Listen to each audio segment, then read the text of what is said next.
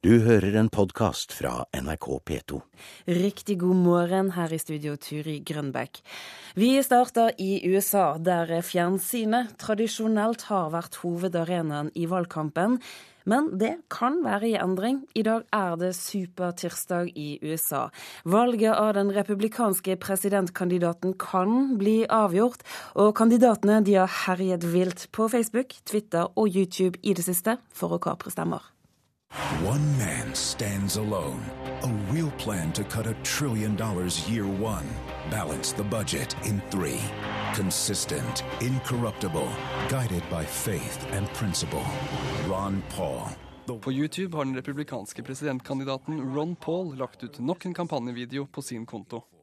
Videoene på kontoen hans har rukket å passere ti millioner seere. Bruken av sosiale medier har jo eh, over de siste seks årene blitt viktigere og viktigere og viktigere innenfor eh, politikken. Direktør for digitalt eh, Arve Øverland ved Gambit Hill Knowlton har jobbet med sosiale medier i USA.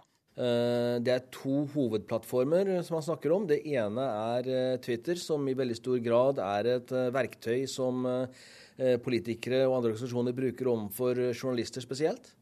Uh, og uh, så er det da Facebook, som er, uh, er, blitt et veldig viktig verktøy i å aktivere velgerbasen, altså de som er mer interessert enn de andre, som da er villige til å gi tid og gi penger. og der har Facebook blitt et veldig viktig verktøy. What's up with these sorry politicians? Lots of bark. When it's showtime, whimpering like little shih tzus. Strategisk analytiker Anders Hofseth i NRK Beta forteller at det er mye å vinne på å få de sosiale mediene til å spre det politiske budskapet. Hvis jeg leser et eller annet i et sosialt medium som jeg syns er interessant, nyttig, et eller annet, så kan jeg skrive 'liker' på det. Og så kan da hundrevis av mine venner se at jeg har likt det, og så spres det plutselig til dem også. Og da ikke via noe som de opplever som autoritetsfigurer, men via noen de kjenner. Hofseth forteller videre at sosiale medier på samme måte som politiske TV-reklamer kan være med på å løfte fram en kandidat. For å være med i et sånt race, og for å kunne nå frem, så har du tidligere måttet kjøpe annonser i TV, annonser i, i aviser. Nå kan du i teorien, hvis du har gode nettverk, nå frem. Og mange har sagt at en av grunnene til at Obama klarte det så godt i 2008, var at han var tidlig med å ta i bruk dette og bruke sitt nettverk. Ja, det sa analytiker Anders Hofseth i NRK Beta til reporter Daniel Wærnes. Førsteamanuensis i medievitenskap ved Universitetet i Oslo, Gunn Enli. Fra nå og de neste årene så skal du forske på bruk av sosiale medier i politisk valgkamp, og da bl.a. i USA.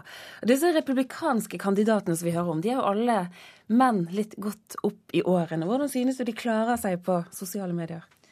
Det er veldig interessant å følge med på at uh, de bruker sosiale medier uh, relativt aktivt. Altså, noen av kandidatene er ikke så drevne i uh, denne måten å kommunisere på. Det er tydelig. De foretrekker tradisjonelle medier. TV er de jo mer komfortable med enn å kommunisere på en litt mer ja, hybrid plattform, eh, som man jo kan kalle sosiale medier, Twitter og Facebook, krever at man er litt mer privat, at man er litt kjapp i replikken. At man kommuniserer mer med velgere. At man har eh, evnen da til å ikke bare ha en, et budskap man vil ut med, men også være lydhør for respons, kommunisere med andre brukere på disse plattformene. Hvor stor ulempe, hvis man kan si det sånn, kan det da være for de kandidatene som ikke er så komfortable for disse sosiale mediene? Det kommer litt an på hva slags velgergruppe man vil nå ut til. Men dersom man ønsker å kommunisere med unge velgere, eh, som jo er veldig viktig bl.a. for Obama, både i denne valgkampen og i 2008-valgkampen, eh, så vil sosiale medier være en viktig arena. Eh, fordi at unge mennesker de ser ikke så mye på tradisjonelt fjernsyn nødvendigvis lenger. Altså, og unge mennesker forventer å finne sine kandidater på Facebook og Twitter. Eh, det er liksom en, en arena som man forventer å, å, kunne da se profilen, altså YouTube, disse eh, nye plattformene gjør at eh, man kan kommunisere lettere med de yngre velgerne. Men Obama fikk veldig mye skryt i 2008 for sin sosiale mediekampanje. Hva skal til for disse andre republikanerne for å matche hans innsats? Det er nok veldig vanskelig, fordi at Obama klarte jo det å være først, ikke sant. Han var en en aktør som markerte endring. Eh, han gikk inn på en ny arena og skapte liksom revolusjon i uh, politisk kommunikasjon. Og da uh, ligger han foran, foran de andre. Uh, han har mange, mange flere følgere på Twitter. Og han har bygget seg opp en stab som er veldig profesjonell på sosiale medier. sånn at det, Eh, hans aktivitet eh, er mer sofistikert eh, og mer medie...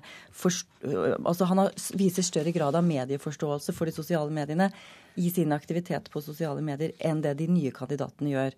Men det er tydelig at de prøver å lære av ham, og at de også prøver å være eh, allsidige i sin kommunikasjonsstrategi. Men Hvor viktig kan sosiale medier bli da, i en slik kombinasjonsrunde?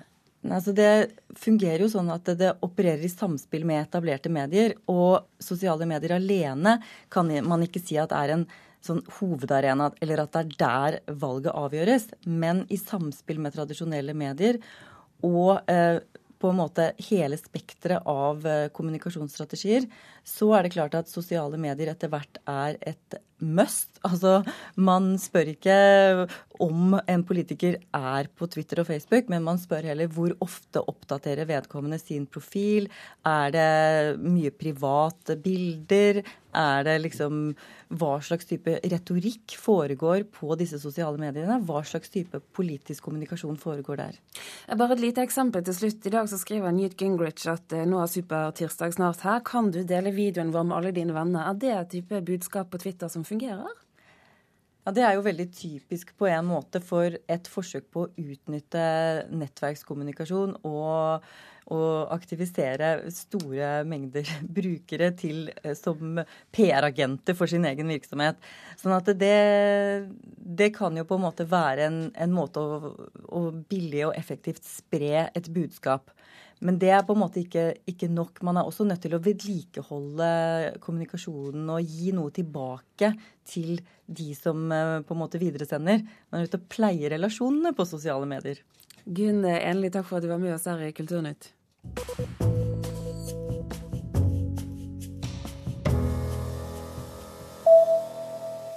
Vi skal hjem igjen. Ungdom som drømmer om å skrive, kan ha en fordel dersom de ikke er spesielt gode i norsk, for da slipper de forventningspresset. Det mener forfatter Bjørn Arild Erland. Han er nå på skoleturné med boken 'Fengslet'. Det handler om en fengslet 18-åring og hans dagboknotater. Og klasserommet, det har forfatteren selv med seg. Jeg skal dra ned sånn litt uh Lerretet trekkes ned til forfatterforedrag på Randaberg videregående skole. Oppdraget mitt det var å finne ut hvordan er det å være fri den ene dagen, plutselig være fanga. Jeg hadde ingen peiling på fengsel. Forfatter Bjørn Arild Ersland står inne i en konteiner på parkeringsplassen, omgjort til kombinert klasserom og utstillingslokale. De har prøvd å gjøre det veldig sånn koselig i fengselet. Eller de har vel kanskje ikke prøvd, men uh... Langs den ene langveggen sitter 15 elever, for flere er det ikke plass til. På motsatt side henger fotografier fra Erslands bok 'Fengslet', tatt av Asbjørn Jensen. En dostol, et dartspill, tomflasker, en seng med reimer. Satte meg på sofasenga der madrassen var trukket med et slags kunstig skinnstoff. Det rommet her er litt større enn en vanlig fengselscelle, forklarte Rune. De innsatte får besøk av kjærestene sine her. Ja, Så pleier de å ha sex på den sofaen du sitter på. I den Bragepris-nominerte boka 'Fengslet' forteller Ersland og en 18-åring med narkotikadom om livet bak murene i Stavanger fengsel. Så jeg dro ut dit og så fulgte en innsatt gjennom et år. Og Hvordan ble det til en utstilling? I forbindelse med denne bokprosjektet så fikk jeg en av de innsatte til å begynne å skrive dagbok. Og den dagboka der har vi nå skrevet på den ene veggen. Og det har en, gjort en utrolig fin effekt. da. Mors bursdag. Skulle ringt mor i dag for å si eh, gralla med dagen, men eh, jeg hadde ikke mer eh, tid å ringe for før i morgen, så jeg får ringe mor når jeg får mer eh, ringetid. Helse- og sosialfagelev Helene Myrås leser dagboknotatene til hovedpersonen i boka med stor interesse. Men ser jo her 17. mai, der står det liksom at det er en av de verste dagene å sitte inne. Det er på nyttår, 17. mai, bursdagen og julaften. Men her igjen, her ser du at han er et normalt menneske. Han, han har lært av det, for han tilsto. Jon er jo ikke en fyr som har skrevet noe før. Han hadde mye skrivefeil, og så kikka jeg i boka hans, og så så jeg etter hvert at um, her kan nøkkelen til bokprosjektet mitt ligge. Men Hva er hensikten her? Er det det å få at elever skal få et innblikk i hvordan det er å sitte inne og sitte i fengsel, eller er det å snakke om skriving, for du er jo forfatter? Det er jo skriveprosjektet som er Det er det å finne en spennende fortelling eh, i en helt alminnelig hverdag. da. Nå er ikke fengsel alminnelig, da, men den saken han er dømt for, den er det er sånn som det knapt skrives om i avisene. da. Så det er jo et litteraturprosjekt. Soto var skuffa. Sa ingenting. Men det gjør vondt. Spurte lillebroren min om han ville komme på besøk. Mor sa at uh, hver gang hun snakka om meg, så bare gikk han. Bjørn Arild Ersland skal på turné til flere skoler i Rogaland, og målet er å få flere til å skrive. Helene Myrås har vært inne på tanken før. Jeg prøvde meg en gang på ei bok, men jeg har heller blitt en som leser bøker hele tida. Ble du inspirert av dette her? Det virker ganske interessant. Jeg har litt lyst til å jobbe i fengsel. Så det blir kanskje snarere det enn forfatter, kanskje? eller? ja, jeg tror det blir litt lettere, for jeg er ikke så sinnssykt flink i norsk at jeg gjør noe.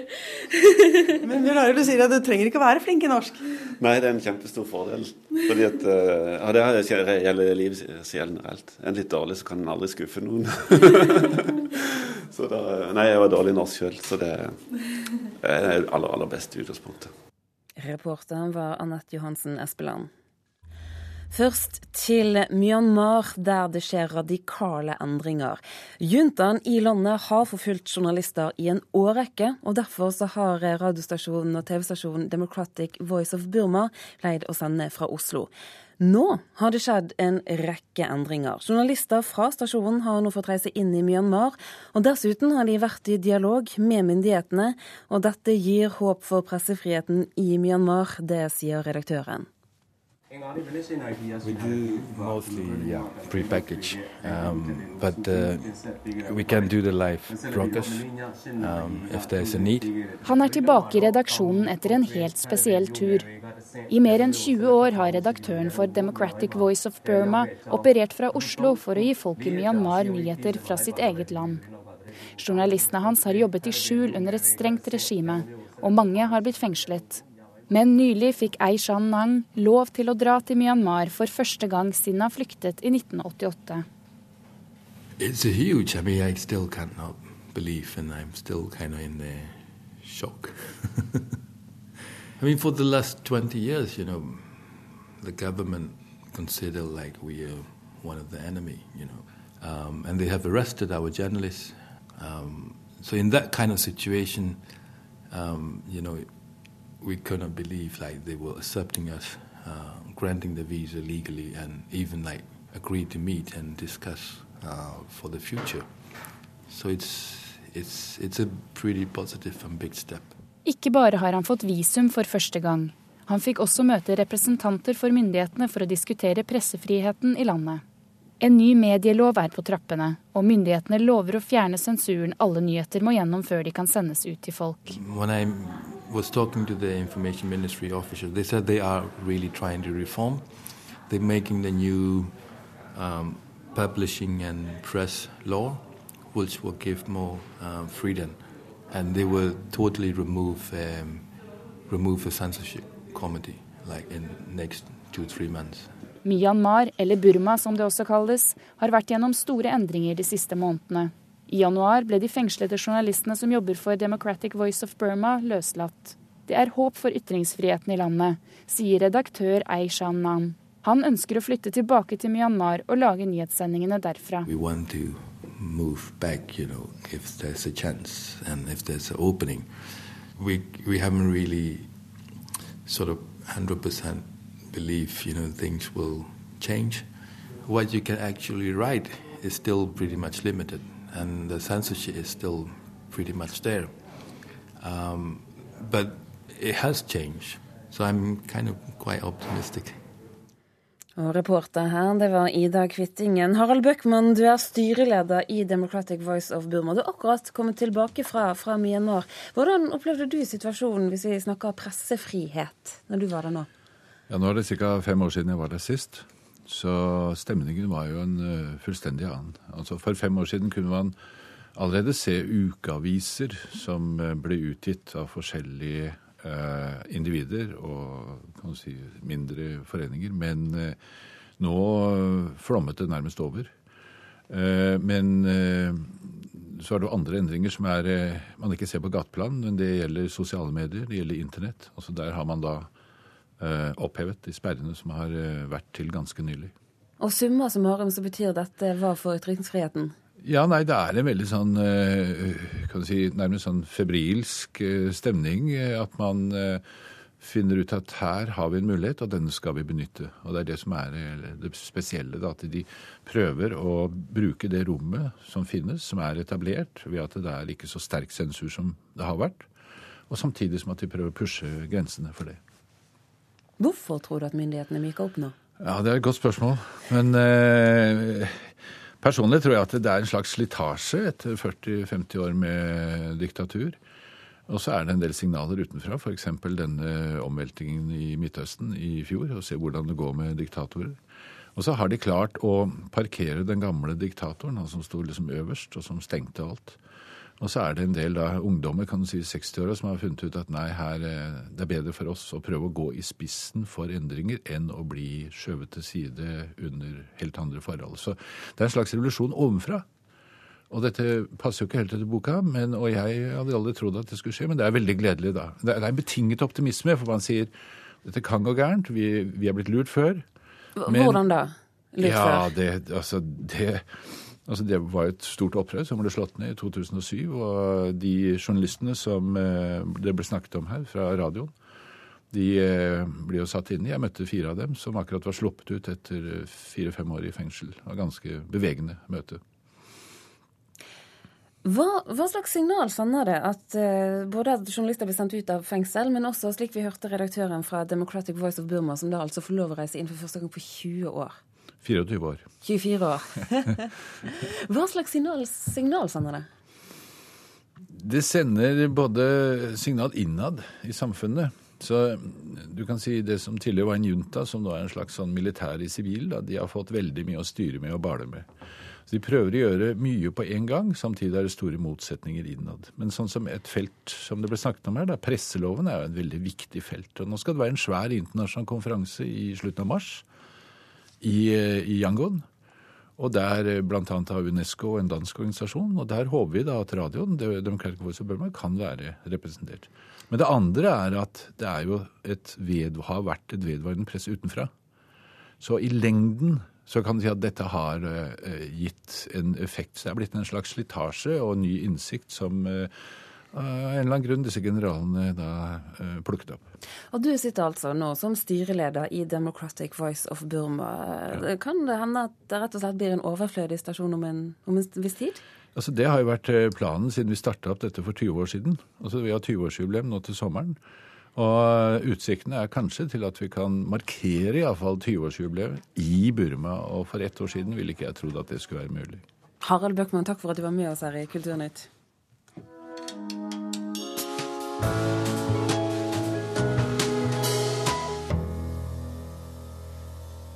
Vi skal eh, bevege oss eh, til Russland, i hvert fall på en måte. For i helgen så ble Vladimir Putin valgt til president nok en gang. Samtidig så kommer det nå en ny bok om han eh, ut på norsk. Den heter enkelt og greit Putin.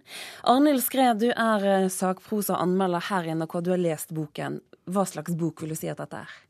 Dette er en utrolig spennende biografi, som det blir lovt på framsida. Men jeg vil nok si at det i enda større grad er et kampskrift. Kampskrift? Ja, jeg vil si Marsha Gessen, som har skrevet denne boka, den blir jo da ikke bare lansert i Norge, den blir lansert simultant i ganske mange vestlige land 1.3, rett før presidentvalget. Eh, hun tegner et bilde av Putin som stemmer med undertittelen hennes, nemlig at dette er mannen uten ansikt. Altså der Hun beskriver historien om hvordan en nokså grå og middelmådig KGB-mann stiger i gradene, og så prøver hun å forklare hvorfor det. Og, og, da dukker det opp altså det er korrupsjon, og det er politiske mord, og det er you name it. Det er altså utnytting av terror, eh, terroristangrep for å skape mest mulig angst og skrekk. Altså det er en sånn hva skal vi si, Kapitteloverskriftene kan vel i grunnen forklare det meste. altså Der står det om ekstrem grådighet, det står om terrorregimet. Det, det er en forferdelig historie, rett og slett. og men du kan si at det som blir problemet med den, sånn som jeg ser det, da, eh, det er at denne forfatteren er for sint. For sint? Hun er så rasende, og det skjønner jeg jo godt at man blir i Russland når venner blir drept. Hun opplever jo gjennom sine mange år som russisk-amerikansk journalist i Moskva eh, at ikke bare journalistvenner dør og på forferdelig vis, at hele Eh, nettverket, altså TV-stasjonen hun jobber for, blir overtatt av staten etter trusler mot eierne. Hun opplever at politikervenner dør på mystisk vis. Eh, og alt dette forklarer hun med Putins eh, måte å styre på. Og, og, jeg skjønner godt at hun er sint, men altså som forfatter, som en som skal overbevise meg om det hun at det hun sier riktig, så blir hun for rasende. For jeg får ikke tillit til at hun faktisk har undersøkt alternative forklaringer, at hun har åpne eh, problemstillinger, at hun går til kildene, alle enormt mange kilder. At hun går til de med en mer sånn kildekritisk holdning og en kritisk holdning til sine egne hypoteser. Betyr det rett og slett at boken ikke overbeviser deg? Nei, den, du kan si at jeg er ikke noe Putin-beundrer, snarere tvert imot. Så for så vidt så, så Nei, den overbeviser ikke nok. Den, den, er overbevisende, men den kunne vært enda mer overbevisende hvis hun hadde lagt seg i et roligere stemmeleie. Og og vært mer sånn åpent drøftende. Og det kan jeg si som sitter her i dette rolige nabolandet. sant? I, i Moskva og i Russland så er jo dette en, en veldig modig bok. Eh, men som sagt, den er utgitt i Vesten, den er utgitt i mange vestlige land, og, og her syns jeg ikke den fungerer skikkelig, altså. Men hvem tror du da at uh, den er for, eller er ment for? Den er for opposisjonen. Eh, hva nå opposisjonen måtte være, det vil jo kanskje vise etter hvert. altså Den er jo mangslungen. Men, men, disse som demonstrerer, det er en del av den bevegelsen. og um, og støtter jo opp under denne opposisjonen, altså de som, som eh, kritiserer Putin, de som snakker om valgfusk. Altså Det kommer jo masse rapporter nå om valgfusk. Eh, og, og, det er klart at jeg stiller meg ikke tvilende til noe av dette her, til den kritikken. Men, men som tekst så blir ikke dette overbevisende nok. Jeg syns ikke hun gjør en god nok jobb journalistisk som journalist. Hun ender opp i denne vrengebildet av god journalistikk, nemlig journalisme der ekstrem vinkling, vinkling på en måte ødelegger for, for troverdigheten. Arnhild Skred, takk for at du kom hit til Kulturnytt. Så kan vi også ta med at en fullstendig og hel anmeldelse av boken ligger ute på våre nettsider nrk.no. NRK P2 er altså kanalen du lytter til nå, og nå fortsetter Nyhetsmorgen med Øystein Heggen i studio. Men Kulturnytt er dessverre over. Ansvarlig for Kulturnytt i dag, det var produsent Halvor Haugen. Det tekniske ansvaret det har Hanne Lunås tatt seg av. Her i studio, Turi Grønbekk. Du har hørt en podkast fra NRK P2.